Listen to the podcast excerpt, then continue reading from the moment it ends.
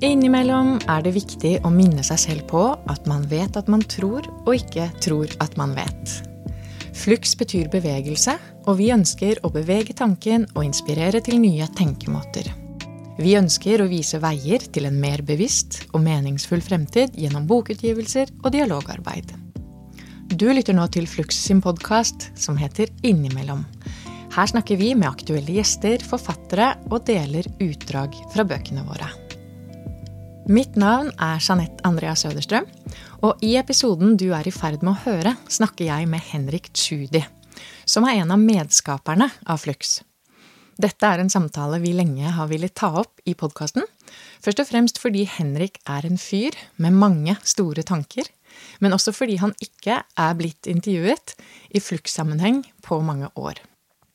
Målet med å ta opp en samtale med Henrik til podkasten var både å la lyttere få bli mer kjent med han, og for at vi alle kan få mer innsikt i flere av temaene som opptar han, og hvorfor. Da vi planla en dato for denne samtalen, understrekte Henrik i sedvanlig god fluksånd at han liker mye bedre å undre seg over nåtiden og fremtiden sammen med andre, fremfor å gjenfortelle fra fortiden. Derfor var aldri målet med denne episoden å høre Henrik fortelle om minner fra tiden etter at stiftelsen Flux ble grunnlagt. Historien om Flux er dessuten fortalt i sin helhet i to tidligere episoder som du kan finne i arkivet, hvis du vil det. For å male et litt tydeligere bilde av hvem Henrik er, vil jeg likevel si dette før vi går i gang. Henrik Tschudi ble født i 1938, er utdannet journalist, startet i sin tid et eiendomsselskap som han drev sammen med en partner i et par tiår. Han har tidligere drevet en gård i Hedmark i tolv år, bor nå i Oslo og etterstreber å etterleve stiftelsens formål om å bidra til en harmonisk og meningsfylt verden. Slik det står på nettsidene våre også, Henrik søker det ekte og i beste forstand fremtidsrettede i mennesker, natur og kultur. Og han har lenge vært spesielt opptatt av bevissthet, kosmologi og dialog. Og dette med dialog er sentralt i denne sammenheng. Historien om Flux begynte nemlig omkring 1990, da Henrik sammen med sin kommende makker, en Blindern-student med navn Henning Bråten, inviterte fysikeren David Bohm til Norge. I Bohm fant de to en samtalepartner og spennende vitenskapsmann som gikk sine egne veier, bl.a. gjennom måten Bohm jobbet med dialog på i USA. Så da Henrik og Henning startet stiftelsen Flux og tidsskriftet Flux i 1993, sto dialogen og dens muligheter til å utvide bevisstheten vår og kommunikasjon på helt sentralt i Flux sitt virke. Allerede i det første tidsskriftet understrekte de to grunnleggerne at dialogen som Flux var opptatt av, ikke bare handler om den som oppstår mellom mennesker, men også om den mellom emner som vanligvis holdes separert. Etter å ha jobbet mange år som redaktør i Flux, er Henrik i dag pensjonist og styreleder i stiftelsen Flux. Selv om han ikke er en del av forlagsdriften, og selv om tidsskriftet Flux ikke lenger finnes, kultiverer Flux de samme dialogiske prinsippene som Henrik var med på å forankre. Og det gjør vi gjennom bokutgivelser, artikler, dialogkurs, Facebook-fellesskapet vårt og podkasten som du nå hører på. I lys av alt dette falt det seg naturlig da vi skulle møtes til opptak og gjennomføre en dialog mer enn et intervju. Som dere snart skal få høre, er det ikke vanskelig å bli revet med, og kanskje å bli litt tankefull, når man hører på og snakker med en som Henrik. Og jeg håper dette innholdet vil inspirere flere. Er du interessert i en oversikt over alt vi er innom i løpet av samtalen, finner du den i episodebeskrivelsen. Alright? Da setter jeg over til studio med Henrik som gjest. Her sitter jeg sammen med Henrik Tschudi, som er selve kjernen til at alt det vi holder på med i Flux i dag, eksisterer. Henrik er en av grunnleggerne av stiftelsen Flux, som ble grunnlagt i 1993. Og senere ble det et forlag ut av det hele, og det heter Flux forlag og fins den dag i dag.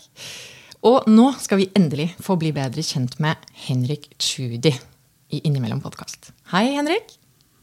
Hei, tusen takk for at jeg får lov å være med på dette. Yes, endelig. Ja. Vi har jo mye vi skal snakke om, og du er jo en sånn type som slår meg at det virker som du kan like å snakke om alt det går an å snakke om. Morsomt å snakke. og at uh, Du har ikke brukt ordet dialog ennå, men det er jo veldig sentralt og har vært det faktisk siden begynnelsen. Ja. Og det er å kommunisere på en ålreit, fin, morsom, hyggelig, spennende, givende, meningsfylt måte. Ja. Så uh, da må jeg nesten like også å snakke. Som er en, del av det, en viktig del av å kommunisere. Du er veldig god på å lytte òg, for vi hadde jo en samtale her for et par uker siden. Og da merka jeg meg det. Det er jo sentralt i dialogen. Veldig. Lytte er også veldig, veldig viktig. Mm. Ja. Um, aller først, da, uh, i dagens samtale, for å bli litt mer kjent med deg som menneske, så starter jeg med å spørre deg hvem eller hva som inspirerte deg som barn?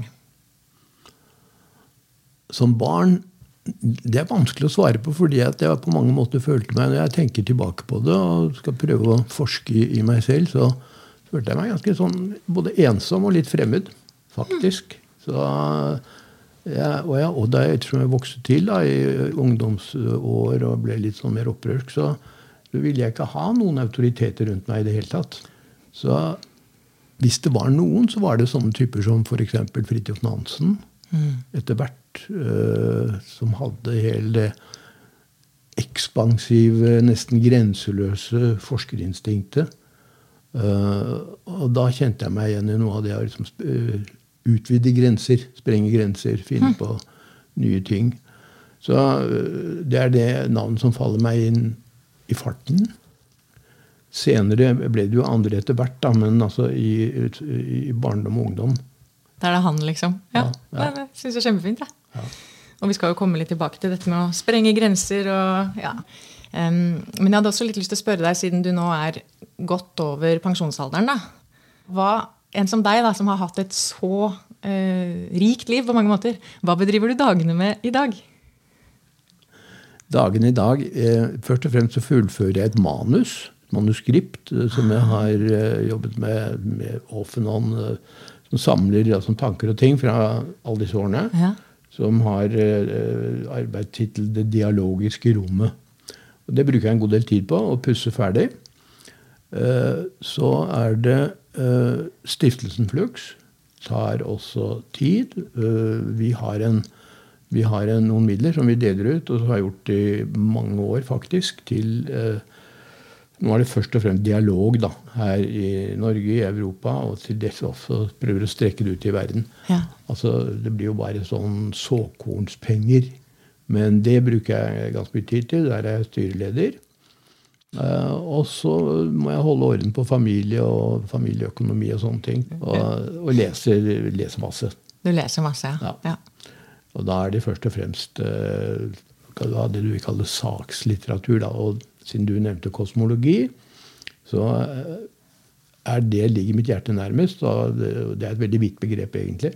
Men i hvert fall alt som kan settes inn i en kosmologisk sammenheng, det, uh, det har jeg lett for å kaste meg over.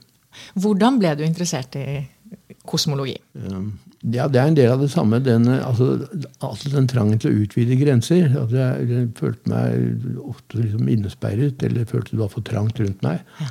Og det, det, sitter i meg. Utvide grenser og lete etter ny sammenheng og ny sammenheng.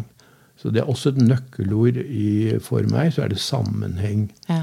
Når jeg kan finne noe som passer sammen, og dermed utvide en forståelse, en, en virkelighetsbegripelse. Uh, og det kosmologiske er jo nettopp det. Der er det liksom hvor, hvor går grensene for universet. Det var sånn som jeg satt med som barn og hadde et par likesinnede. Vi var veldig små og lurte på hvor går grensene i universet. Hvor stopper universet? Og jeg hadde en sånn merkelig forestilling om at jeg så for meg en slags vannkran som skrudde ting av og på. Da var jeg ikke gammel, altså. Nei. Nei, men dette henger sammen med denne litt grenseløsheten. Utvide grenser og åpne for ny sammenheng. Ja. Og det går rett inn i kosmologien. Når man da, altså, men da kan du si at du kan utvide det litt, for det kan være også veldig snevert, altså rent matematisk, fysisk. Men, øh, men altså, i en litt videre sammenheng så blir dette en del av en kosmologi. Jeg liker gjerne å utvide det forestillingen om hva som er kosmologisk også.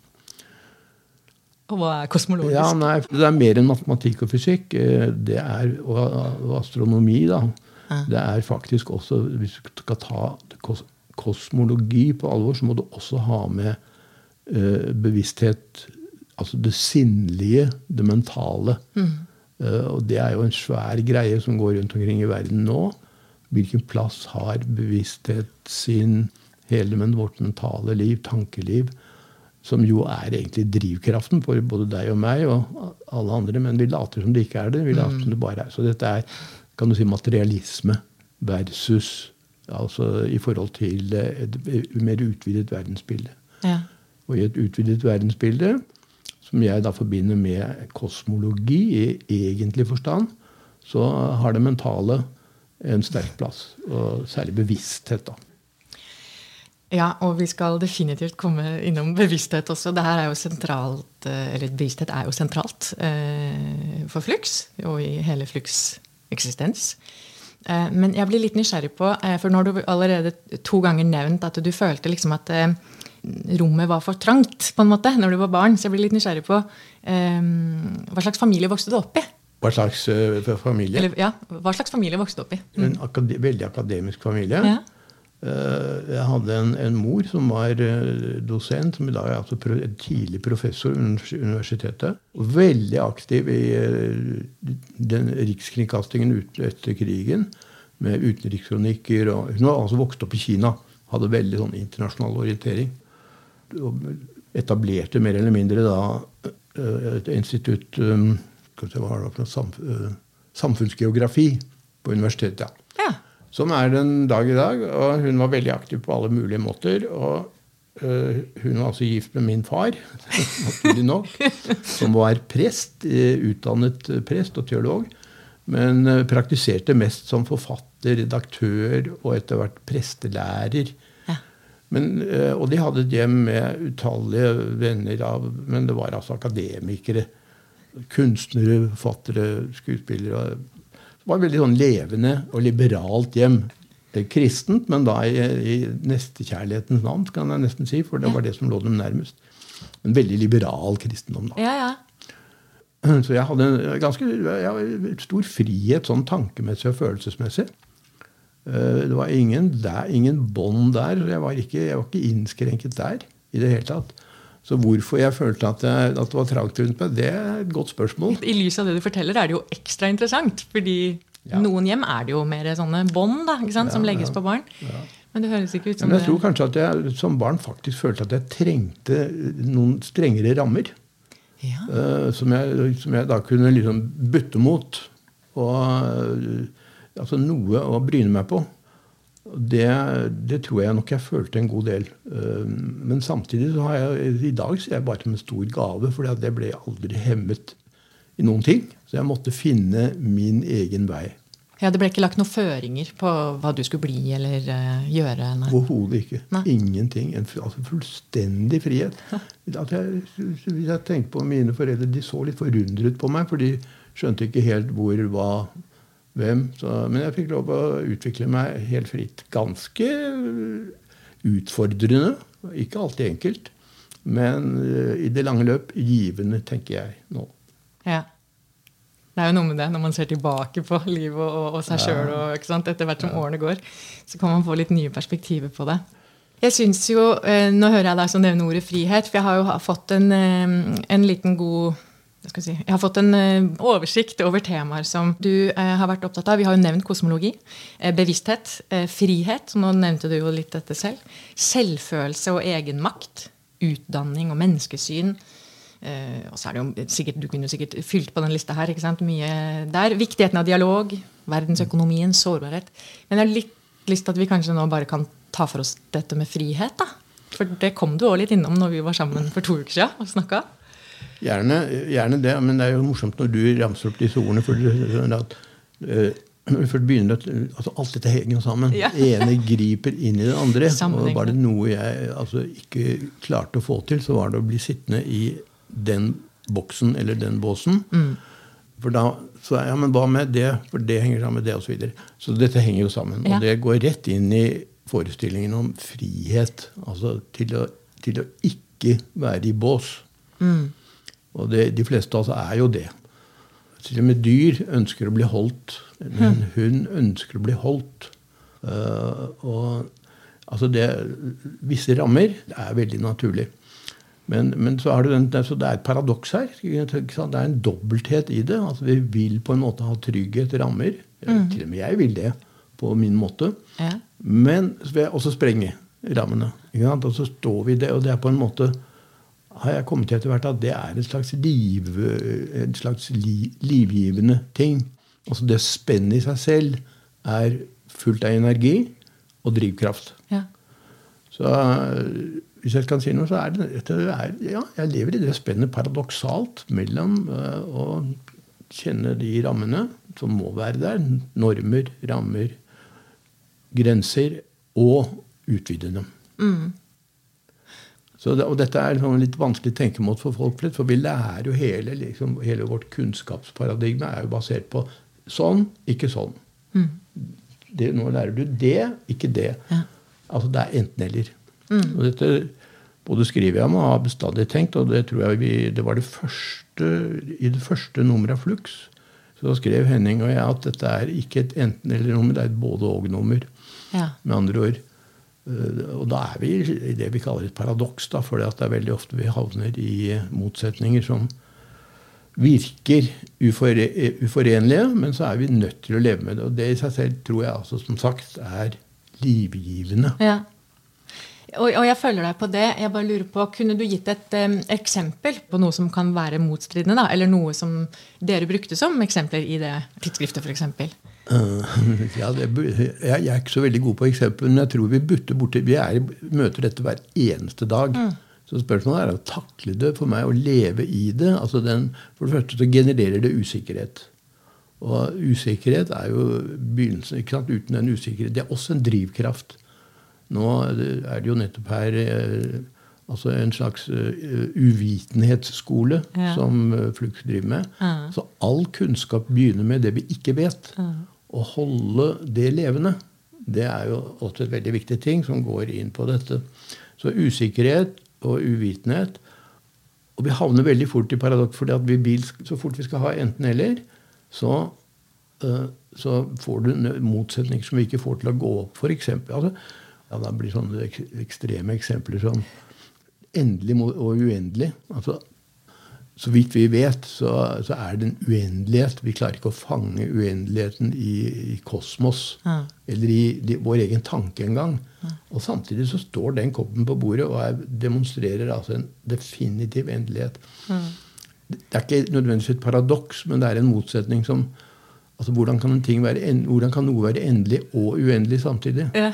Så, og, og, og det kan ta til og med den koppen som da koker av uh, atomer.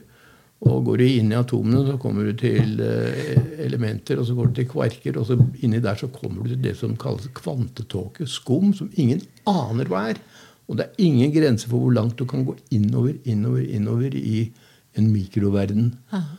Men og det er på en måte litt uforenlig med denne verden vi ser rundt oss, og stjernene langt oppi der. Så der, der er det en slags litt uforenlig motsetning, men samtidig er det der. Ja. Kanskje ikke noe godt eksempel. Jo, jeg syns det er kjempefint. Ja. Ja. Men eh, i dagliglivet så kunne jeg sikkert, hvis jeg bare eh, kom på det i farten, nevne vi mø Jeg mener at vi møter det hele tiden. Og, og egentlig er det jo det som gjør livet spennende. At, ja, men, hvordan kan det være sånn at det går jo ikke opp med det? Og så er det der allikevel.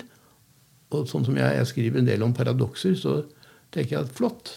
Det et paradoks er der. Altså en, mot, en tilsynelatende uforenlig motsetning. Nettopp for at det skal trigge oss til å utvide vår virkelighetsforståelse. Så hver gang du møter noen som du Dette går jo ikke opp. Aha, men kan du, da har du en, altså et uh, incitament, da, for å bruke et fint ord, til å utvide din egen uh, forståelse. Uh, jeg, kommer, jeg, kan ikke si jeg kommer på noe i farten, men når jeg kommer på det, skal jeg gjerne gi deg det. Ja. Eh, det er jo tett av paradokser i den eh, politiske Eller hva, skal, hva vil jeg eh, I storpolitisk øyemed så mm. jeg jo det er tett av paradokser. Og, og, nå er det det nærtliggende, fordi vi lever i en tid hvor um, vi hadde krigen mellom Ukraina og Russland. Ja. Og reaksjonene på den fra et samla vestlig fra en samla vestlig gjeng, da, om jeg kan si det sånn. Ja. Og så har vi eh, krigen som akkurat nå pågår. Brutal krig ikke sant? Eh, mot palestinere, altså i Gaza. Men hvor plutselig eh, Det syns jeg er paradoksalt, da, bare for å komme med et sånt eksempel. Mm.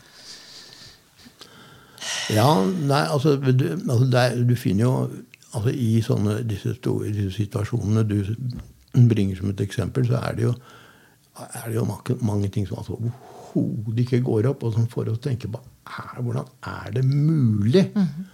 Og da er det jo ikke bare handlingen, men også alle de løgnene og alt som følger med. som altså, Det stemmer ikke i det hele tatt. Nei, ikke sant. Så det, dette møter vi jo daglig. Ja.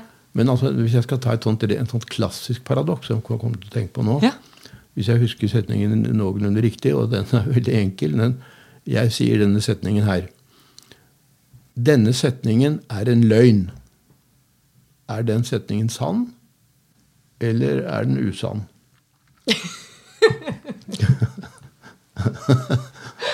altså, dette er sånne finurligheter. Det er gamle ting som vi har trent med siden grekernes tid. og hvordan, uh, altså, hvordan vi skal forstå hva er det logisk sant. Altså, det er en sånn, det er en sånn enten-eller-logikk. Ja. Men uh, jeg tror det er omtrent sånn den setningen går. Det Hvis jeg ikke husker. Jeg tror det. Uh, den har du den, tenkt mye denne på? Denne setningen er usann.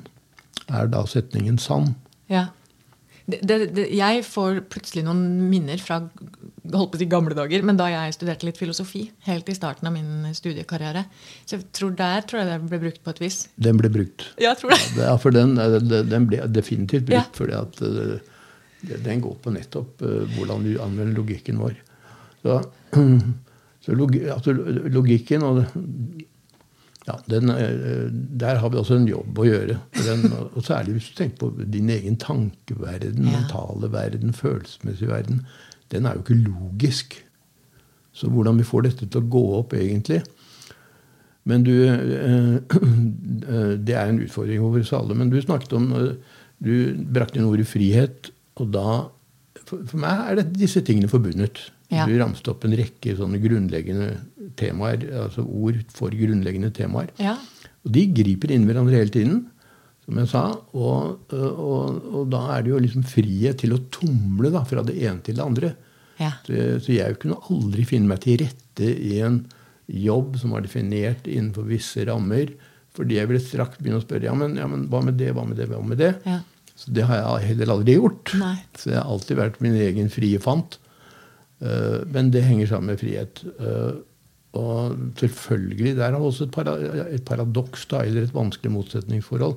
For frihet er også meningsløst uten øh, rammer. Mm. Uten nødvendighet er én ting, eller uten begrensninger. da. Mm. Så frihet uten grenser er egentlig noe meningsløst. Men samtidig, hva, hva er da fri, da er vi enige inne i det samme, at vi må forholde oss til i dette spennet mellom på en måte er det uforenlig med frihet og mm. ikke-frihet. Altså mm. Grenser er per definisjon en uh, ufrihet innen, uh, ved at du må holde deg innenfor der. Uh, men samtidig så går jo ikke det opp. Men frihet er i hvert fall i, i, absolutt forstand, da. Mm. Men du kan si at jeg har frihet innenfor de grensene. og Det er sånn vi stort sett tenker, da. Men det ligger et spenningsforhold der, og det, som sagt, for meg er det viktig at vi ser det som noe positivt, konstruktivt. At vi trenger begge deler. For i det hele tatt at det skal være ikke bare mennesker her, men at det skal være liv overhodet. Mm. Altså, hvis du ser på livet, enten det er en, eh, på, altså, det naturlige livet på en planet eller med stjerner og, eller, i mikroforstand eller makroforstand, så lever det i Det bølger og beveger seg i dette spennet hele tiden. Og jeg kan ikke tenke meg at vi kunne hatt en planet sånn som denne praktfulle jorden egentlig er i utgangspunktet. Uten dette, denne friheten altså Plutselig så er det noe som sprenger seg vei, skaper noe nytt, og så må det ordnes og settes på plass og bli eh, orden på det. altså I form av en organisme, noe som da kan bygge planeten videre. Og så brytes det. Så kommer en vulkan eller noe annet som snur opp ned på alt. Ja. Og så bygger du videre. Altså, Det spennet på mange, veldig mange måter det finner vi i alle sammenheng. Ser du på det sånn når det gjelder For nå forsto jeg, det- jeg det sånn at du snakker om naturen, da. Eh, Men ser ja, du det sånn Evolusjon, Evolus- Ja. ja. Men ser du det sånn uh, knytta til samfunnet også? Det menneskeskapte? Burde det være sånn? Den, det spenningsrommet som Ja, seg og Men altså, der kommer jo da det som er, som, som er veldig veldig vanskelig. At jeg syns vi har Vi har jo, altså vi, da, det store vi opp gjennom tidene, har egentlig vært nesten mer destruktive enn konstruktive. altså. Men altså, du har jo alle disse lysende bragdene på eh, sånn vitenskap, kunst osv. Men hvis du ser hva vi har drevet det til nå, da, når vi har fått med den intelligensen vi har, så er det jo øh, ikke særlig oppløftende. Så hvor, hvordan vi har fått til det, det, det, det forundrer meg. øh, fordi vi har jo en intelligens til å kunne bringe dette videre og se dette fantastiske skaperverket som denne planeten er. Som vi får i hendene ikke sant? med et enormt rikt og mangfoldig liv på alle plan. Fra amøber og oppover gjennom planter og dyrerik og det hele. Og, eh, så vi skulle egentlig bare gå rundt og bare glede oss over tilværelsen. Og i den grad vi bygger videre, liksom bygge sammen og bygge ut fra det livgivende spennet da, som vi allerede har rundt oss. Så du spør om hva gjør vi, men om vi kan sette dette i forbindelse med samfunnet. Jeg syns vi, vi, eh, vi svikter. Mm. Vi svikter, og vi har gjort det. Altså, hvorfor driver vi og kriger, f.eks.? Altså, alle folk beskriver krig. Ja, men det er noe alle folk har gjort bestandig. Ja vel, men det har ingenting å spørre, altså, du svarer ikke på hvorfor. Nei. Så det er veldig mange sånne grunnleggende ting. Og jeg, eh, du kan si at naturen Så sier man at naturen har alltid kjempet. Det er kamp, og kampen for tilværelsen, som det gjerne sies. Men ja, selvfølgelig. Men det er en del av dette spennet som slår voldsomt ut av og til. Men eh, eh, samarbeid altså, er overordnet, ellers hadde vi ikke hatt noen planet. Da hadde vi slått hverandre i hjel før, Ja, før vi hadde blitt eh, så mye som en mus. Så det er en kamp også. Men, eh, men altså den, vi har jo en intelligens da, som er utviklet, som kan Vi mennesker som kan absolutt ha alle muligheter til å overvinne det. Men det, kan si det er jo planetariske samfunn som består av dyr, av planter. Det er også samfunn. Skog er et samfunn. Og, og de får det til. Men noen må jo dø. Altså Noen må dø for at noen skal leve. Ja, og, og, ja, og det, det er også veldig sant. Men, men jeg tenker også på Jeg har jo en sønn på fem år, og han har jo begynt å lære seg at eh, krig skjer i verden. Og lærer også om det her med miljøet, som jo er ganske abstrakt. Selv for mange voksne er det abstrakt at vi skal passe på miljøet. fordi det ser jo greit ut mange steder vi ferdes. Men da kommer jo han med store spørsmål, takk og lov. Og det er jo f.eks. sånne ting som Men hvorfor kriger man? Hvorfor kan man ikke bare slutte? Det var jo det du snakket litt om. Og også Men hvorfor ødelegger vi miljøet? Fordi de lærer jo mye om det i barnehagen nå, og det er jeg veldig glad for. Men da ja, hvordan skal man forklare at vi mennesker har kriga til all tid? ikke sant? Det er liksom grådighet og kapitalisme. At det, det kan være svar jeg prøver å komme med. Litt sånn å skulle forklare at det er jo veldig ofte kamp om territoriet, kamp om mer makt. Ja. I nyere tid så, så, er det, eh, så er det det. Det er kamp om makt, kan du si. Men hvis man skal spørre, stille spørsmål på et litt dypere plan, som vi gjør nå Hvorfor krig i det hele tatt? Altså, Vi hadde jo alle tjent utrolig mye mer på Ja. alle måter ved å samarbeide. ja. Så eh, jeg forundrer meg veldig. Fordi at det er, altså Vi sier at vi er den mest intelligente vi kjenner til på, i universet, vi mennesker. Og samtidig er jo det det desidert dummeste vi gjør. Sånn Ja. som vi er i ferd med å liksom utrydde oss selv. ja. Og, og denne planeten i hvert fall ødelegger veldig mye av den. Og planeten klarer seg nok, men altså vi Ja eh, Hvorfor Jeg vet ikke. Det er, eh, det er merkelig. Fordi, mm, men det har jo altså, opp gjennom årmillionene så er det jo da samfunn som vi sier som har gått Dinosaurene er et klassisk eksempel. Ja. For 70 millioner år siden hvor de eh, ble for mange. Og så var det, var, det var vel et eh, altså De utrydde ikke, ikke seg selv, men det var jo, de regner med at det var et meteornedslag. Men så har du lemen. De formerer seg, formerer seg, formerer seg. Og så plutselig så er det så mange av dem at de borte vekk. Og så vokser de til. Så dette går i sykler. Eh, og hvordan det går med oss mennesker, det vet vi ikke, men vi er liksom i ferd med å drive oss selv utfor stupet. ja, og vi er i ferd med å bli veldig mange også. Mm. Og altfor mange. Altfor mange. Ja. eh, som vil for mye.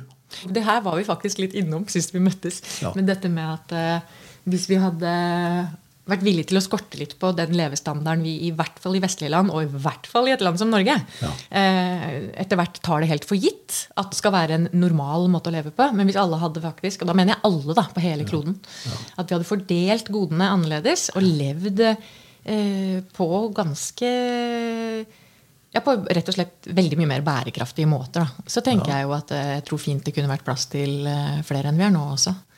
Kunne vært det, men det er, det er ikke bare det at vi skal ha det sånn, men vi skal ha mer hele tiden. Nettopp. Alle venter at vi skal ha mer. Hva kommer det av? Ja, hva kommer det? Hvordan, Mystisk. Ja, det er mystisk. Altså, Dyr og planter de er, formerer seg jo ganske hemningsløst ofte. Ja. Men de vil ikke nødvendigvis ha mer å spise enn at de gjør er mette. og Altså, de, de trenger ikke mer, men vi skal ha mer av all verden. ikke sant? Og graver, graver liksom ut av jordkloden og Mm. får aldri nok av noen ting. Og Og så spør du hvorfor, og jeg stiller spørsmålet sammen med deg. Ja. Hvorfor? Og det hjelper ikke bare å beskrive ja, men sånn har menneskene alltid vært, eller sånn gjør vi fordi sånn og sånn og sånn. og sånn. Den kan vi. Vi vet dette nok. Men akkurat dette hvorfor, det skulle jeg gjerne holdt mer levende. At vi stiller oss, og det er et filosofisk spørsmål, at vi begynner å gruble. Hva er det vi egentlig holder på med? Hvorfor gjør vi dette? Som åpenbart er så dumt og så destruktivt. Jeg blir sittende og tenke på at sant, Jeg har jo vokst opp som deg i et land som Norge, så det er noen ganger litt vanskelig å se for seg eh, det å vokse opp i et land hvor ikke mulighetene har vært tilrettelagt på den måten det har vært her. I hvert fall i min levetid. da. Men det er jo nesten som at man, for å bruke ditt ord, dette med uendelighet, og liksom det paradokset med uendelighet slash endelighet, at, ehm, at det virker som at for noen så skal det nesten ikke finnes grenser for hva det er vi kan utfolde oss med på kloden. Ikke sant? Fordi En ting er jo at du har vært innom det, eh, det som er relatert til tankene.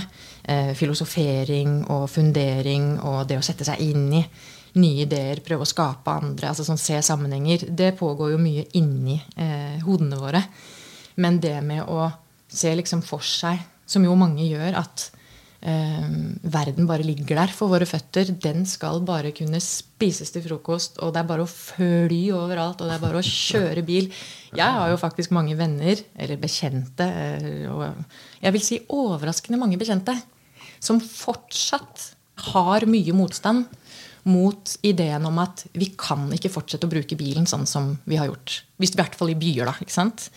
Eh, Det er jo fortsatt skadelig hvor enn du bruker bilen. Men når det gjelder du vet, alt det her med De grønne som etter hvert fikk mer og mer makt i Oslo og Dette har jo pågått over noen år. Men jeg syns det er liksom underfundig, fordi da kommer man jo litt inn på Men hvordan kan du eh, kreve den friheten hvis du veit at det er til skade for flertallet? Um, og der syns jeg jo kanskje at det, det, noe av det ligger det med at eh, i et veldig individualistisk samfunn så virker det som at vi alle ser på at den type frihet, da, nå bruker jeg gåsetegnstegnet, eh, er liksom vår menneskerett. Det er det vi sier. Ja. Det er en menneskerett øh, å kunne gjøre det, og du skal ikke røre ved individets frihet. Og det er jo Der går jo på en måte i hvert fall en slags linje gjennom politiske partier. At øh, noen Den ekstrem liberalisme, at mennesket er totalt fritt og skal være, Ja. kunne gjøre akkurat hva det vil individet. Og så får de andre klare seg selv. Eh, må det enkelte individ, kan det enkelte individ tenke. Og i den andre enden så har du da en ekstrem kollektivisme. At alle skal inn på samme plan. Og jeg, jeg snakker om en kollektiv intelligens som tar vare på individet, for det er umistelig og hellig, det enkelte individ. Det mener jeg. Mm. Men vi er nødt til å arbeide for en kollektiv intelligens. Mm. Og da, da, blir det et slags både-og her, da. Ja, ja. ja. ja et både-og. Ja. Både individet er hellig og ukrenkelig og skal få lov å utfolde seg, men innenfor da Der har du igjen rammene. Ja, men selvfølgelig. Jeg vil jo at uten, meg, uten den, disse rammene så jeg, har jeg ikke den verden jeg kan leve i. Må jeg som et fritt og ja. uh, ekspansivt individ si. Og så sier jeg at å finne glede i å holde meg innenfor disse normene. da. Mm. Eh, men jeg, det som blir farlig for meg da, er at hvis vi skal spikre dette en gang for alle, mm. da er vi ute å kjøre. Mm. Så dette er på en måte et levende altså Et samfunn er en levende dyn, dynamikk hele tiden. Som er i utvikling. Så vi er nødt til hele tiden, i min verden, å snakke om det, Der kommer det dialogiske inn. Om bl.a. nettopp det vi gjør nå. Normer. Hvilke normer? Mm. Og de er ikke de normene som vi skal spikre, men det er de normene som skal gjelde nå, og som vi hele tiden stiller nye spørsmål ved. Mm. For det i seg selv er så livgivende å stille spørsmål. Fortsette å stille spørsmål. Fortsette å kommunisere. Hvor er vi nå? Hvor er vi nå? Være glad for den utviklingen. For det, det tror jeg er veldig nødvendig. Mm. At uh, vi innser den dynamikken som bor i det hele, og som vi må ha for at uh, vår, Vi kan bare se på vårt eget liv. Ditt liv er jo en, dy, en dynamisk affære. ikke sant? Fra du er en bitte liten baby uh, i mors liv, mm. så er jo du altså, Det er jo dynamikk fra et sekund til sekund. Og det er liksom selve livets Og det gjelder stjerner og planeter og alt sammen, selv om det går saktere for seg. Mm. Et fjell. Det vokser, det blir født, vokser mm. og smuldrer bort. Men det tar kanskje noen millioner år. Mens du gjør det i løpet av 100 år. Mm. Men det i hvert fall, dette er helt sentralt for alt liv, for at vi i det hele tatt har et univers og et kosmos. da. Ja. Uh, men altså da at vi godtar ja, godtar den dynamikken og usikkerheten. da. Du får bare dirigere her, for det, det glapp akkurat. Ja. Ja, nei, ja, ja jeg blir, det er, det er, så spennende å høre på deg også, så jeg blir sittende og bare tenke nye tanker og prøver å lytte. Ja. Uh, ja, og det er helt lov at det iblant bare glipper litt sånn. Men uh, vi var inne på dette med um, ja, at vi må godta at uh, hvis det er sånn at vi ønsker å leve så fritt som mulig, ja. så er det også ganske viktig at vi enes litt sånn kollektivt om hva er liksom så fritt som mulig, eh, og hva, hvilke normer skal vi enes om å også kunne forholde oss til? For at ikke vår frihet innskrenker andres frihet. For det er vel kanskje litt av det som er nøkkelen her nå, til ja. problemet. Ja. Eh, og ikke bare her i dag, det, ikke bare i verden i dag. Det har jo vært sånn kanskje i all tid mennesket har uh, fantes. Noens frihet si. går utover andres, da. Ja. Um, men, um, men altså, det er jo veldig sentralt. Det, var der vi var. altså ja. et, et forhold mellom individet og det kollektive når det gjelder menneskesamfunn. Mm. Og det, du har jo hatt alt fra de tidligste tider ekstremt strenge samfunn. Bitte små samfunn rundt omkring. Ja. Da det var bare noen millioner mennesker på kloden. Uh, og mer, mer eller mindre autoritært stramme har det vært hele tiden. Men det er veldig lite vi kjenner til av helt liberale, frie samfunn. Ja. Men jeg tror på en eller annen måte at vi må arbeide oss i den retningen, som jeg kaller det altså selvorganisering. Ja. At, men det krever en absolutt en høy grad av bevissthet om nettopp dette forholdet mellom frihet og rammer. Så når jeg erkjenner det, så, jeg, kan, så tror jeg da kan jeg i stand til å gå ut og være med og organisere ting ut fra en frivillig basis. Ja. Hvor begge deler, mm. individet og helheten, altså delen og helheten, begge blir individ, mm. samfunn. altså helheten blir tatt vare på. Da. Ja, ja. Og, det er det vi ikke klarer. Og at folk er bevisste, hvis mange nok er bevisste nok til å se de sammenhengene også, så ja. kanskje vi, hvis jeg forstår deg rett, så sier du at da kunne ja. vi kanskje levd i hyperliberale samfunn, egentlig. Men da, da, da er vi jo innom bevissthet. Eh, litt nysgjerrig på det òg. Eh, for det er jo et nøkkelord i Flux, og noe du alltid har vært opptatt av, vil jeg tro. Mm. Hva er uh, bevissthet for deg? Begynner svært. Veldig optimist hvis du tror du får et klart svar på det. ok. Ja. Når ble du Når ble du opptatt av bevissthet, da? ja, det, det, det, vokste frem. Uh, jeg, vi var så vidt innom David Baum, og jeg holdt på med altså, consciousness uh, tidlig.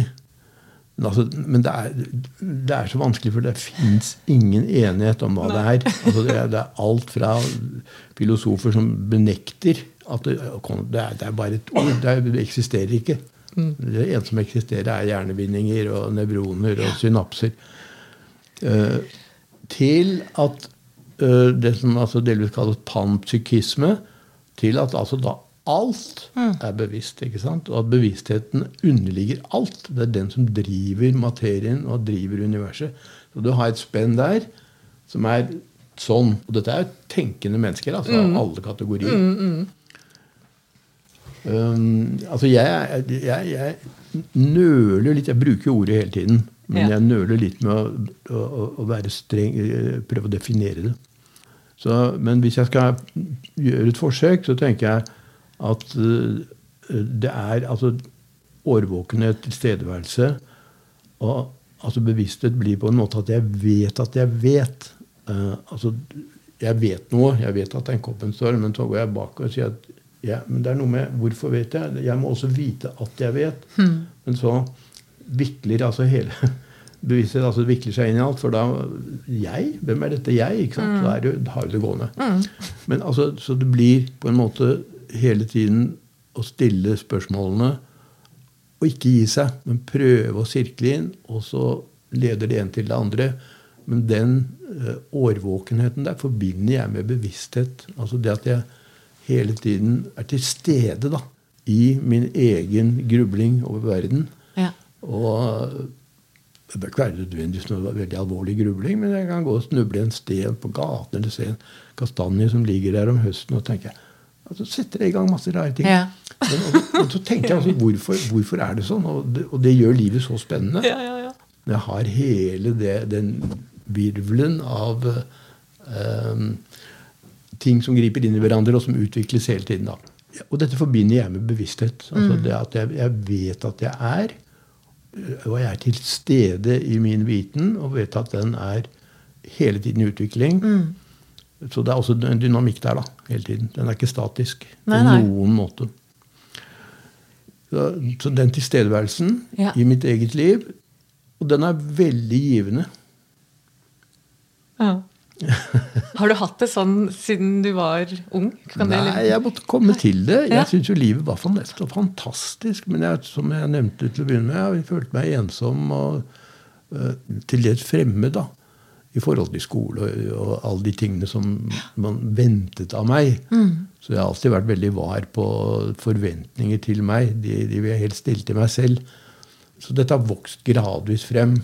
Mm. Altså at jeg, så oppdager jeg bare at det er jo bare sånn intens glede når jeg først begynner å kjenne på det. Ja. Og det bærer gjennom alt. Altså. Tror du det her har noe med Jeg må bare si en ting først. Eh, jeg kjenner meg mye igjen i, i, i, det du uttrykker om at det er så gledesfylt, og at det gjør bare livet spennende. ikke sant? Eh, og så er det ikke alltid så lett å sette fingeren på når begynte den reisen, og det er ikke heller så viktig, da. Men um, ettersom jeg har lest da, at du òg er opptatt av selvfølelse, så ble jeg nå sittende og tenke litt på Det her er jo kanskje også litt kobla til det. Hvis man har en solid, god selvfølelse, som jo gjerne eh, Der er min påstand, da, men ikke sant, Som jo gjerne gjør at man ikke kanskje går og grubler veldig mye negativt. At ikke man har veldig mange eh, stygge minner. eller, ikke sant, du vet, Noen mennesker har jo bare blitt utgitt dårligere kort da, fra start. Kanskje noen har hatt en veldig vond barndom eller blitt dårlig behandla av et menneske. Eller, mm. Det påvirker jo selvfølelsen vår. Nå skal ikke vi inn i det sporet, men innen psykologi så snakker man jo også mye om det her med hvorvidt mye av selvfølelsen vår er medfødt òg. Man skal ikke legge alt over på omgivelsene. Det er eh, spennende eh, ting å se på når det gjelder biologi og anlegg mennesker har. ikke sant? Mm. Personlighetsmessig. Men det du beskriver, da, liksom den den enorme gleden eh, du kjenner ved å fundere og tenke over hva enn det måtte være. Mm. Um, I møte med verden og ting som skjer rundt deg, og selvfølgelig ting du leser, og sikkert menneskemøter. Uh, men jeg tenker jo også her at det handler om mye av det du sanser. Altså din tilstedeværelse. Hva, Ja, og, det, og sansene går jo inn i følelsene. De er jo koblet veldig til hverandre. Ja. For det er sanser et eller annet, men så føler jeg, og så kan det bli glede eller eh, sorg, eller hva det måtte komme ut av det. Så følelser og sanser går sammen. Men jeg, jeg, jeg er veldig glad for at du bruker ordet selvfølelse. Fordi eh, Ja, absolutt. At eh, det vil jeg gjerne at alle mennesker skal ha med seg. Ja. At det, er en slags, det kan være en, en sånn grunnsten, en av flere grunnstener når vi begynner med barn. Du har barn selv, og de fleste, alle- begynner som barn. Å hjelpe den selvfølelsen frem hos det barnet. Ja. Altså, det barnet skal bli Hva skal det barnet bli? Jo, det skal bli seg selv. Jeg, jeg sier det overalt. Ikke sånn, jeg maser ikke med det, men det er min grunnfølelse. Hva skal det barnet bli? Seg selv. Og, og så kan du begynne å spørre hva det er, men da har vi igjen den endeløse spørsmålsstillingen og samtalen gående om hva som bor i det enkelte barnet. Eh, Men, men det vi gjør, er jo at vi putter barnet inn i noen normer. Du skal passe inn i samfunnet. Eh, Så jeg vil snu ting på hodet og si at samfunnet skal tilpasses hvert enkelt individ. Det begynner med barnet. Det begynner der. Og da, men jeg vil også si at selvfølelse så er veldig viktig, og det må ikke forveksles med egoisme. Det har ingenting med det vi Nei, forbinder med nei. egoisme, å gjøre. Det er rett og slett kjenne at jeg er jeg. Mm. Altså den tryggheten som uansett hvor du er. Der lærte jeg veldig mye av eh, disse som satt i Gulag, Solzjenitsyn og disse i Russland. For de hadde jo, levet jo ganske stusslig i Sibir i flere år. Men altså, de levde intenst, og de hadde ingenting av det vi ser som de minste nødvendigheter. Men allikevel så tenkte jeg men de hadde et rikt indre liv. Og det finnes hos enhver. Enhver baby vokser og har det potensialet i seg Potensialet. Mm. på sin måte. Og der vil jeg begynne. Og så må vi bygge samfunnet rundt dette her, og da blir det selvfølgelig et mye mer variert samfunn. Men i hvert fall selvfølelsen, for å følge opp det ordet der, veldig viktig at jeg hele tiden kjenner at Og det gir meg den tryggheten og også potensialet for glede. eh, ved at jeg kjenner at jeg er til stede med meg i alt. Ja, at man kjenner, Mange er jo også opptatt av å veksle av å skille mellom selvfølelse og selvtillit. For det er det jo mange som har sausa sammen i, i årevis. Og, mm. um, og selvfølelse handler jo om det der med en sånn grunnleggende, iboende følelse av at man er verdt noe. Ja. At man har noe å komme med i verden, eh, men som ikke er hekta på noen knagger om talentene du har. Eller, det er bare noe med at det, Nei, men det går fint, det. Selv hvis, det er, altså selv hvis man opplever motgang, for det vil jo absolutt alle mennesker, og barn òg, gjøre eh, i løpet av livet. da. Men så er det liksom ja, jeg bare, det, var, det ble jo litt sånn babling fra meg der i stad, men jeg tenkte litt på det med at det, det er jo kanskje litt sånn eh, lett i gåsetegn eh, når to som oss sitter og snakker sammen og møtes, og man snakker mye om dette indre, rike livet, og hvor fantastisk det er å kjenne på den bevisstheten, og hvor spennende det er, og hvor gledesfylt det er. Så kan jeg fort bli litt sånn at jeg også tenker ja, men det er jo ikke alle som opplever det sånn. Og derfor så tenkte jeg også litt på det med selvfølelse. Jeg sier ikke at det er svaret på alt, men det er jo noe interessant, da. Eh, Det høres ut som at du også eh, hadde en oppvekst eh, fri for sant? kritikk og begrensninger og sånn type irettesetting og sånn. Fordi sånne ting uh, det- er destruktivt for mange, mange barn. Det tror jeg er helt riktig, at de får begrensninger som de er, ikke kjenner seg igjen i. For de vet jo ikke hvorfor. Altså, og det må man Så tidlig som mulig så må jo barnet få liksom kjenne ok, jeg, det, nå, nå skjønner jeg hvorfor, og det er greit. Og så kan du etter hvert si til og med at det er, det, er, det er ikke bare greit, men det er veldig bra. Men i hvert fall da er du veldig bevisst på å lære barnet hvorfor grensen må være der og der. Og da kommer den altså, konstant samtale med barnet. Ikke, ikke sånn fordi jeg sier det, eller fordi læreren sier det, eller fordi samfunnet sier det, men sånn fordi nå skal du høre. Og så har hun samtale gående. Ja. Det, er, det er for meg veldig, veldig, veldig Ja. viktig. Hjelpe dem til å forstå sammenhengene, da. Hjelpe dem til å forstå, nettopp forstå sammenhengene. og selv begynne å tenke glede seg over sammenhengene. Og og bidra til å utvide. Ja. Og gå videre. Så det er endeløst, og det er det som er fantastisk når du begynner å kjenne på ja, det er jo liksom en iboende frihet i kosmos, da, for å bruke det svære, fine ordet. Eh, og vi kan ta del i det. Så hvorfor lage vi begrensninger som ja, Selvfølgelig må det være begrensninger, men da skal vi kunne begrunne det også overfor barnet. Så, men, uh, men, den selvfølelsen, denne jeg-følelsen Ja. Jeg tror det er utrolig mange barn som blir fratatt den, eller den blir begrenset. øh, Den blir øh, hemmet, denne følelsen av jeg. Og det har som sagt ikke noe med egoisme Det er jeg, jeg, jeg, og Nei. alle de andre blåser jeg. Men det er gleden for at hvert skritt du tar, så skal du kjenne at det er jeg som gjør det, og da, da, da kommer gleden. da. Vel, så det, det var jo du som begynte å snakke om du brukte ordet glede først, tror jeg. Men det er i hvert fall viktig for barn at de får lov, at de blir kjent med potensialet for glede i seg selv. Vi hadde jo mye med Arne Nesse å gjøre, han var jo veldig opptatt av det. Filosofen Spinoza med hilaritas, som altså er altså hans Spinozas glede. Og Arne Næss var et barn på den måten. Han kunne gå ut og glede seg over absolutt ingenting. Ja, han var veldig kjent for det. Ja, ja, og jeg var masse sammen med ham, og vi hadde ja, Så ble jeg ble ganske barnslig selv jeg, når jeg var sammen med ham. Du ble inspirert av han på den måten? ja, så han hadde barnet levende i seg. Ja. Og det tror jeg vi alle burde kunne, det er i hvert fall kan ha, Ja. livet ut. Uh, ha med oss det. For det, det, ja, det autentiske i oss selv. Da. Ja. Ja, så det er så fint at du nevner det. Og jeg hadde jo lyst til å komme innom et par av disse store menneskene som du har hengt en del med, Henrik. Den ene er jo David Baum, og det kan vi jo gjøre da etter Arne Næss, siden du nå brakte Arne Næss på banen. Ehm, Jeg må eh, avsløre at eh, Trine Line Bjong i Flux hun, eh, For jeg spurte da, ikke sant, et par andre som kjenner deg eh, mye bedre enn meg. Jeg spurte dem om sånn Er det noen ting dere syns at kanskje Henrik kunne ha fått svare på i denne podkasten? Da nevnte Trine Line Bjong at det må være noen morsom historie rundt den ørkenturen som Henrik og Arne dro på. At dere dro til en ørken for å se på blomstring. Som jo i seg selv høres paradoksalt ut. Ja. Men har dette skjedd, eller er det Ja, nei, absolutt. okay. Nei, det, ja, det har skjedd. Vi var, men det var altså Arne Næss selv som ville Han var så veldig glad i de bitte små blomstene Ja. som kom i februar i ørkenen og spredte seg ut som tepper Ja, okay. i, denne, i en ørken. Altså Ja. det er sand og stein. Så kom de allikevel, for Mm. for ham var det et tegn på eh, altså dette livet. Ja. Og han gledet seg så intenst over disse små blomstene. Så vi dro for å se på det. Hvor var det? Da, da var det en ørken helt syd i California, på grensen mot Mexico der. Uh, nå var det noen, men det var ikke så mye, for det hadde vært litt for lite, det hadde vært for lite regn Ok. Eh, før det var, Dette var før begynnelsen av februar, vel. Men det var noe av det. Og, men ellers var det jo en fantastisk fin tur. Vi lå ute i, i soveposer ute i ørkenen der.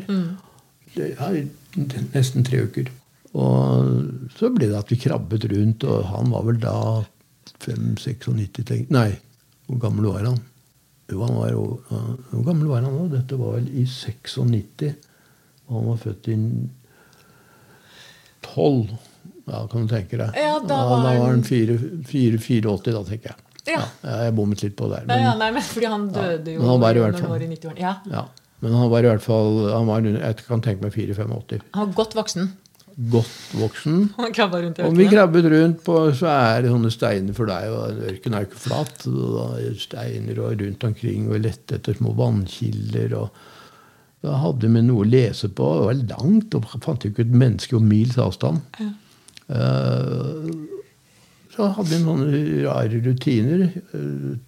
Fikk la- laget oss mat, og ja, pratet vi litt, og så gikk vi der. og Veldig levende minner. Ja. Men det var liksom ikke det var bare, Vi var veldig til stede. Apropos å være til stede. Veldig til stede, altså. I, med alt lite og rart. Og Ja. Snakket vi litt sånn om andre ting også. Uh, hadde hver vår bok. Men dagene gikk, altså. Vi måtte ha bitte små rutiner da, med dette her og bare holde det gående. Det er jo det som er noe av det utrolige òg, når man er i sånn Ja. øde områder og egentlig ikke har noe særlig agenda. Ja. Tiden går, og det er deilig å bare være der til stede. Ja. Veldig. Men der kommer også Han, han var jo veldig leken. Uh, Ja. Så skal, da skal det ikke så mye til før livet er ålreit. Når du har liksom den lekenheten i deg, så skal det ikke så mye til. Det er bare liksom ja, Hva som helst kan eh, trigge Ja, ja. et eller annet som gjør at ah, det er så morsomt, så rart. Og, og du ble kjent med han gjennom eh, Flux? Eller etter at du hadde Eh, Jeg ble kjent med ham var vel gjennom Nils Faarlund, som var en gammel fjellklatrer. Og Henning Bråten. Vi ble kjent med Arne sammen. Han kjente Faren til Henning var også professor og kjente Arne Næss. Han var professor på universitetet. Sosiologi. Så det ble vi kjent med ham, og gradvis så begynte vi å, å hadde samtaler med ham. Så han hadde noen faste samtaler i tidsskriftet. da Ja. Mm. gjennom mange år. Og så ble det noen bøker av det. Så jeg overtok disse samtalene etter hvert. da. Til Ja. begynne var det Henning, og så var det Henning og meg. Så det ble jeg husker ikke hvor mange, 20-30 samtaler, tror jeg. Så vi laget bøker, da. Ja, og han syntes det var så morsomt, fordi at han, han gledet seg hver gang. Han syntes det var så morsomt å snakke. Og så hadde vi et eller annet sånn hovedtema, og så tumlet vi frem og tilbake. Tumler rundt i Ja, og så måtte han, skulle, måtte jo lese gjennom det, da. Ja. Det var, så var veldig gøy. Det var liksom det, var, det meste var morsomt Ja. i hans verden. Og, og da blir det øyeblikkelig det andres verden også. Så eh, vi hadde det veldig ålreit. Eh, Så han var en, en glede å være sammen med. Og så ikke minst det vi har snakket om nå, det barnlige og det lekende, og, som han jo var, var veldig kjent for. Men også det alvorlige filosofiske, eller det gruede, virkelig tenkende Ja, ja. filosofiske, Uh, som du kan finne overalt. Man, mm. Og det er også barn. Apropos barn, Ja. som er, det er jo, de er jo filosof, fødte Ja, de, jeg er så enig. Gir De dem det rommet. Bare, Og, Gi det rommet, ja. Ja. Det er nettopp det. Gi dem det rommet. ja. Hva tenker du om Jeg har jo et barn som skal begynne på skole. Mitt eldste barn skal jo begynne på skole neste år. Jeg er tidligere lærer også. eh, Men jeg er jo, som jeg har erfar eller som jeg har skjønt at du og Arne Næss, da, eh, apropos, eh, også er ganske sånn kritiske til utdanningssystemet. Hva tenker du om skolegang og Ja. Eh, altså, du sendte meg en gang der, så jeg, jeg var jo en opprører. Altså, jeg var jo eh, ikke glad i skolen i det hele tatt. Nei. Jeg var gjennom, altså, Den gang var det folkeskole, og det var liksom bare, jeg tenkte ikke over det engang. Bare skled rett gjennom, og så gikk jeg inn på Katta. Men der var det jo en helt annen disiplin, Ja. og det likte ikke jeg. altså. Og det, så jeg, jeg kapet meg gjennom de årene, men jeg var ganske øh, opprørsk. Ikke slem, men jeg mislikte de grensene og de rammene som var den gang. Dette var jo i 1950-årene. Ja, for da var, det var jo i hvert fall en annen tid, tror Ja. jeg, i skoleøyemed. Det var det definitivt- det definitivt. Ja, mm. Ja. Men jeg var veldig opptatt av nettopp skole og øh, utdanning. Eh, Jeg husker jeg skrev om det her og der. Og, og det er jo selvfølgelig et kjempetema i vår verden. For der, der legger vi jo da ja, skal vi liksom følge opp våre tanker om hva det er å være menneske. da, Barn og hva det er med samfunn. Men stort sett er jo de tankene de er ikke alltid så gjennomtenkt, men, men det, vi legger et grunnlag der for det vi skal legge skolen. Hva, har vi spurt oss selv egentlig hva skal disse skolene være til? Altså, hva, hva vil vi med dem? Hva, Gagnens menneske het det den gangen. Altså Du skal tilpasse deg samfunnet. Du skal være gagnens, til gagn for resten av samfunnet. Ok, men så hvor ble det av deg selv da? Jeg var veldig opptatt av der og liksom min egen verdighet, som vi nå har snakket om. ja, ja. Eh, jeg skal gjøre, og så- og så kommer det nesten om at jeg må skjønne at jeg også må være noe for samfunnet. Men da, eh, den gangen, så tenkte jeg at du må i hvert fall begynne med å aldri slippe den verdigheten, selvfølelsen, som du nevnte, eh, og bygge på den. For det er den som bærer deg også når du skal være noe for resten av verden, og med resten av verden. Så, så den verdigheten, den, den, må liksom, den må bære med oss hele tiden. Selvfølelsen, øh, den gode følelsen, og jeg altså det, Du kjenner din egen verdighet. Veldig viktig. Så, og så kan vi mene hva vi vil om hva slags samfunn vi skal organisere, og hvordan vi skal lage politikk og alt sammen, men det må bygge på denne indre Altså denne selvfølelsen, da. Eller verdighet. Egenverd. Selv eh, egenverdi som ethvert menneske bør ha gjennom hele livet. altså. Eh, Så kommer altså disse institusjonene, politiske eh, normene, de får komme i annen rekke. Men de må bygges rundt det. Så nå har vi jo egentlig vært innom dette med forholdet mellom grenser og frihet. Eh, Altså, jeg, jeg liker det ordet mentor. Ja. Altså en veileder. Jeg, hvis jeg skulle være, tenke langt fremover, men Ja. da er det mange generasjoner, Ja. Så ville jeg fjerne alt som het eh, altså hele altså skolebygninger og hele rigide rammeverket rundt alt det der. ja. Og eh, bort med det. Jeg, men jeg vil at altså, hvert barn skal ha en eller flere mentorer, slik at vi lærer hele livet. Og om jeg da er eh, Du kan være eldre eller forskjellige aldre, altså, men en stor frihet der også. Men barnet har noen som følger det barnet som seg. Og det fins alltid noen som passer til det. Og dessuten er det en gave til dem også, når vi blir eldre. Slik at vi følger opp en, altså Jeg kaller det selvorganisering. Eh, jeg tenker, for da, da er du straks inn på hva slags samfunn vi egentlig kan ha. Men det krever, kre- krever en veldig høy grad av bevissthet. Altså. Ja. Så vi, det går generasjoner. Det er ikke noe vi kan bare gjøre sånn med. Nei, skjønner hva du mener med det. Ja. Og så vil jo alltid dukke opp nye spørsmål. sånn typ, ja, men Hvordan skal det organiseres? Hvem skal, Ja. eh, Hvordan skal disse mentorene plukkes ut eller eh, utdanne seg? ikke Ja, sant? det er sånn vi og, tenker. så det, ja, og hva skal, ja, hva skal de tilbringe da, alle de timene i dag da, på skole? Skal de tilbringe de timene med barnet? Nå snakker jeg om de små barna. da. Mm. Eller var du kanskje litt mer inne på tanken om eldre mennesker nå? Ikke Nei, fra barn og unge Ja. oppover.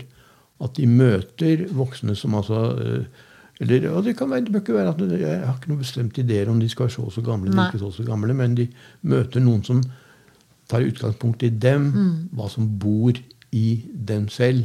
Så den mentoren må si hva, hva tror jeg bor i det barnet, det Mm. mennesket, den, det unge mennesket der? Uh, og så hjelpe det frem. Og så kommer selvfølgelig dette spennet. Innenfor det skal også passe med samfunn, rammer osv. Ja Så, da. Så vi slipper jo ikke unna det spennet der. Men jeg tror ikke i det lange løp på disse skolesystemene vi eh, arbeider med nå. Og nå er det jo mye uro i skolene rundt omkring. Ikke bare her i Norge, men eh, Ja, mange steder. Og nå begynner jo også Det har jo vært eh, noen som har snakka om det. Var det ikke Ken Robinson han heter? En sånn brite som har vært kritisk til at skolesystemet egentlig har endra seg overraskende lite i takt med samfunnet. Ja. Eh, det ble jo i sin tid på en måte oppretta for å um, skolere de som i fremtiden skulle jobbe på fabrikk. Da, og uh, jobbe i et helt annet type arbeidssamfunn enn det vi, vi har i dag. Da. Ja. Uh, mens nå har vi jo denne digitaliseringen av skolen som pågår, som skal matche uh, nåtida, men også det vi veit at kommer fremover. En uh, hyperdigitalisering, kanskje. Altså, ja. eh, så, så jeg syns det er også litt sånn interessant å sette seg inn i. I hvert fall siden jeg er mamma og skal ha barna mine inne i skolen. Det er jo ikke lov å velge noe annet heller. Jo, man kan riktignok søke om å være sånn hjemmeskolelærer eh, Ja, og sånn. det uh. Men det det er ikke bra, det heller. For vi trenger å være sammen. Ja. Nei, men altså, Det er et veldig veldig viktig tema. Det forteller jo, altså Den måten vi legger opp utdannelse på, forteller jo veldig mye om det samfunnet. Men altså, det som er, plager meg, er at vi vet ikke hvor vi vil. Altså, Vi noe, vi, vi skjønner vi, Altså vi, da. Det store vi. Ja. Er dypt usikre. Vi, og vi, vet faktisk ikke hva vi vil med det å være menneske.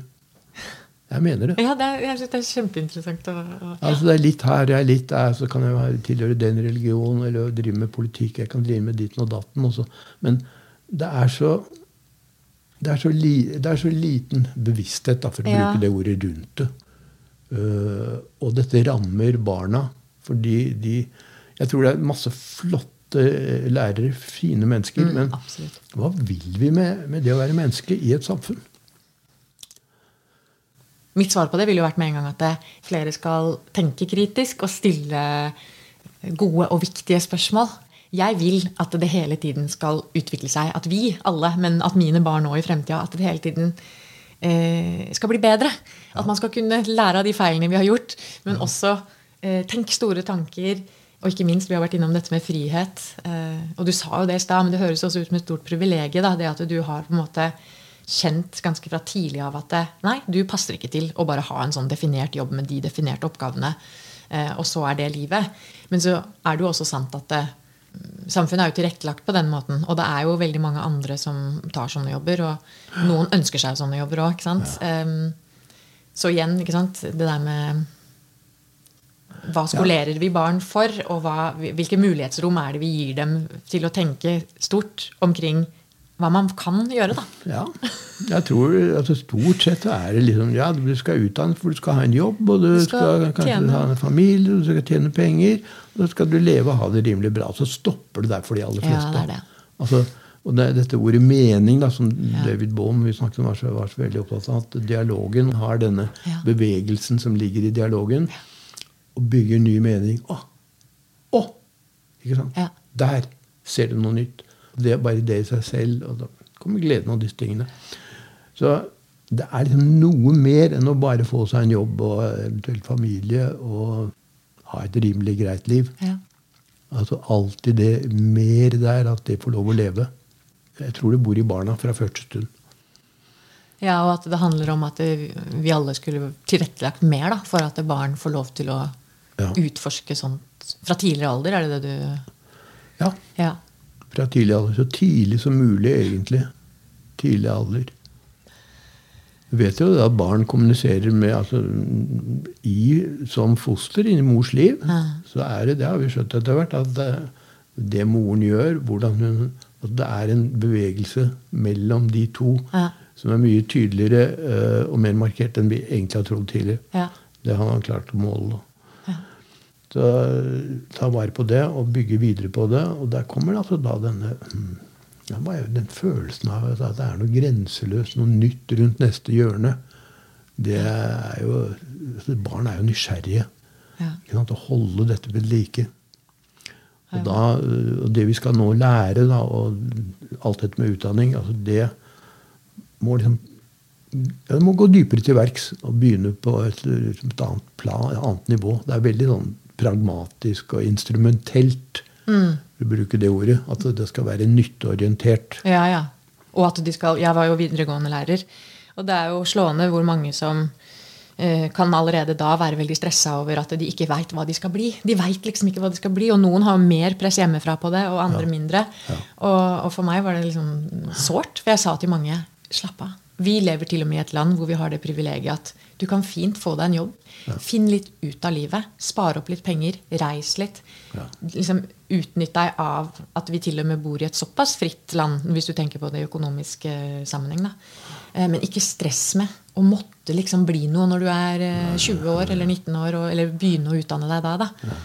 Eh, så det også tenker jeg noen ganger sier litt om sikkert også mange foreldres forventning til hva gir deg et godt liv? At du må liksom bli ferdig utdanna, og så skal du inn i den samme kverna som så mange andre. Ja.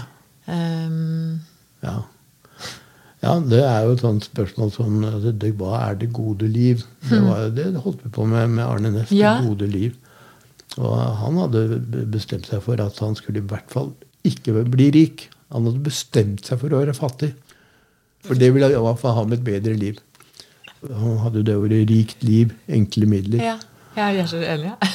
han hadde det jo trygt og godt økonomisk uansett, tenker jeg. Men det at du, ja, han er ikke opptatt av ja. Nei, han brukte nesten ingenting. Altså, men han, han, han, arvet noen penger etter en onkel var det vel, ja, som hadde drevet noe shipping. Uh, så han hadde lite grann. Men han ville ikke bruke noe som helst mer enn det han trengte. Og gikk rundt og gledet seg over de han kunne finne her. Altså litt sånn Askeladden. Ja. ja. ja, ja. Så, ja, som et eksempel, da. Ja. Altså, altså vi, vi, tror at gleden og det gode liv ligger i å ha flere ting. Mm. Det er jo en løgn og en illusjon og en løgn. Ja. Stemmer ikke. Nei. Stemmer ikke. Det skaper også et sånt fengsel for mange mennesker. Det skaper et fengsel. Ja, det gjør det. Nå, nå går jo tiden vår er på vei til å renne ut. Bare et par spørsmål på slutten her nå. For du ser jo tilbake på et langt liv sjøl. Et rikt, langt liv, tenker jeg da. Um, er det noe du um, er det noe du skulle ønske at det, oh, jeg skulle ønske jeg skjønte det litt før? Eller jeg skulle ønske jeg bekymra meg litt mindre for det før? Liksom Nå som du er i 80-åra. Hvordan tenker du om det?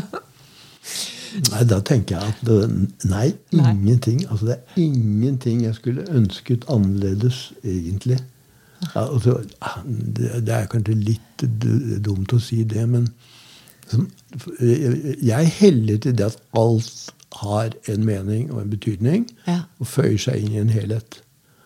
Så, så det er liksom min overordnede tenke. Jeg kan alltid lete frem noe. Jeg, jeg burde ikke gjort det, men, men alt, øh, og ikke minst øh, motgang og Ja. sorger og ting, nei, det føyer seg inn og vokser til noe.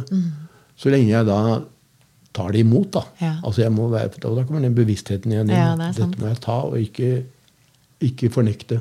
Eh, altså innarbeide det. Så jeg vil, når, siden du spør om det, så jeg sier at eh, nei, jeg kan jeg, jeg, For meg er liksom hele livet en, eh, en Du har brukt ordet selv. Rikt. Det er faktisk rikt. Og det ene beriker det andre. altså Enten det er sorger eller gleder. Ja.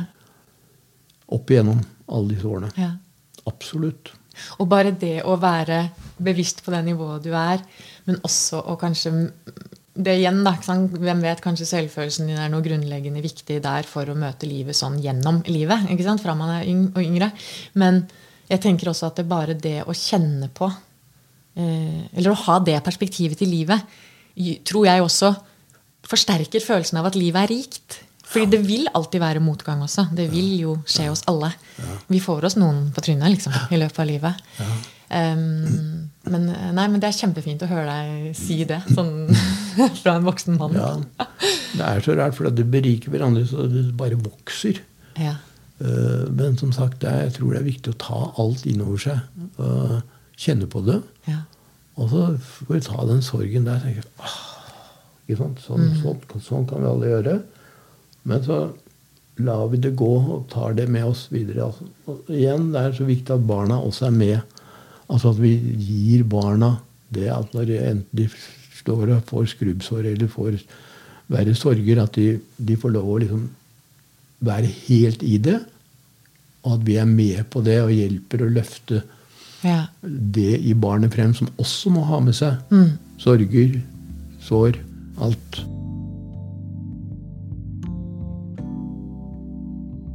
Der hørte du Henrik Tschudi snakke med meg, Jeanette Andrea Søderstrøm, i en samtale som dessverre ble litt brått avsluttet, fordi minnekortet i opptakeren gikk tom for plass da vi var i ferd med å avslutte.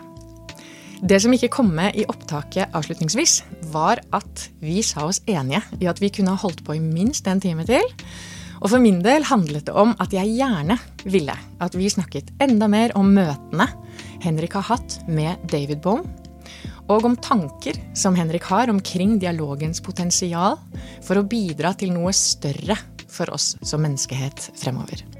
Jeg kunne også tenke meg å snakke mer med Henrik om visjoner han har for hvordan vi kan forbedre mange flere ting i samfunnet, både her i Norge og globalt. I det hele tatt, Konklusjonen etter denne samtalen er at spørsmålene fortsatt er mange, og at vi i Flux satser på en ny samtale med Henrik i løpet av året, hvor vi fortsetter dialogen med han i Innimellom podkast. Apropos innimellom, så har du nå innimellom alle dagens gjøremål lyttet til noe vi håper har beveget tankene dine. Hvis det stemmer, så setter vi stor pris på om du deler denne episoden med noen venner, bekjente eller kollegaer. Er du interessert i å sjekke ut artikler, bøker og forord som Henrik Tschudi har skrevet, finner du dem på nettsiden vår flux.no. Der finner du også en haug av andre spennende artikler og bøker, i tillegg til informasjon om aktiviteter og dialogkurs. Hvis du ennå ikke følger oss på Facebook eller Instagram, anbefaler jeg deg at du begynner med det etter å ha hørt dette. Til slutt igjen, mitt navn er Jeanette Andreas Søderstrøm. Musikken du har hørt, er laget av Olve Flakne, og vi i Flux ønsker deg en veldig god dag. Ha det bra!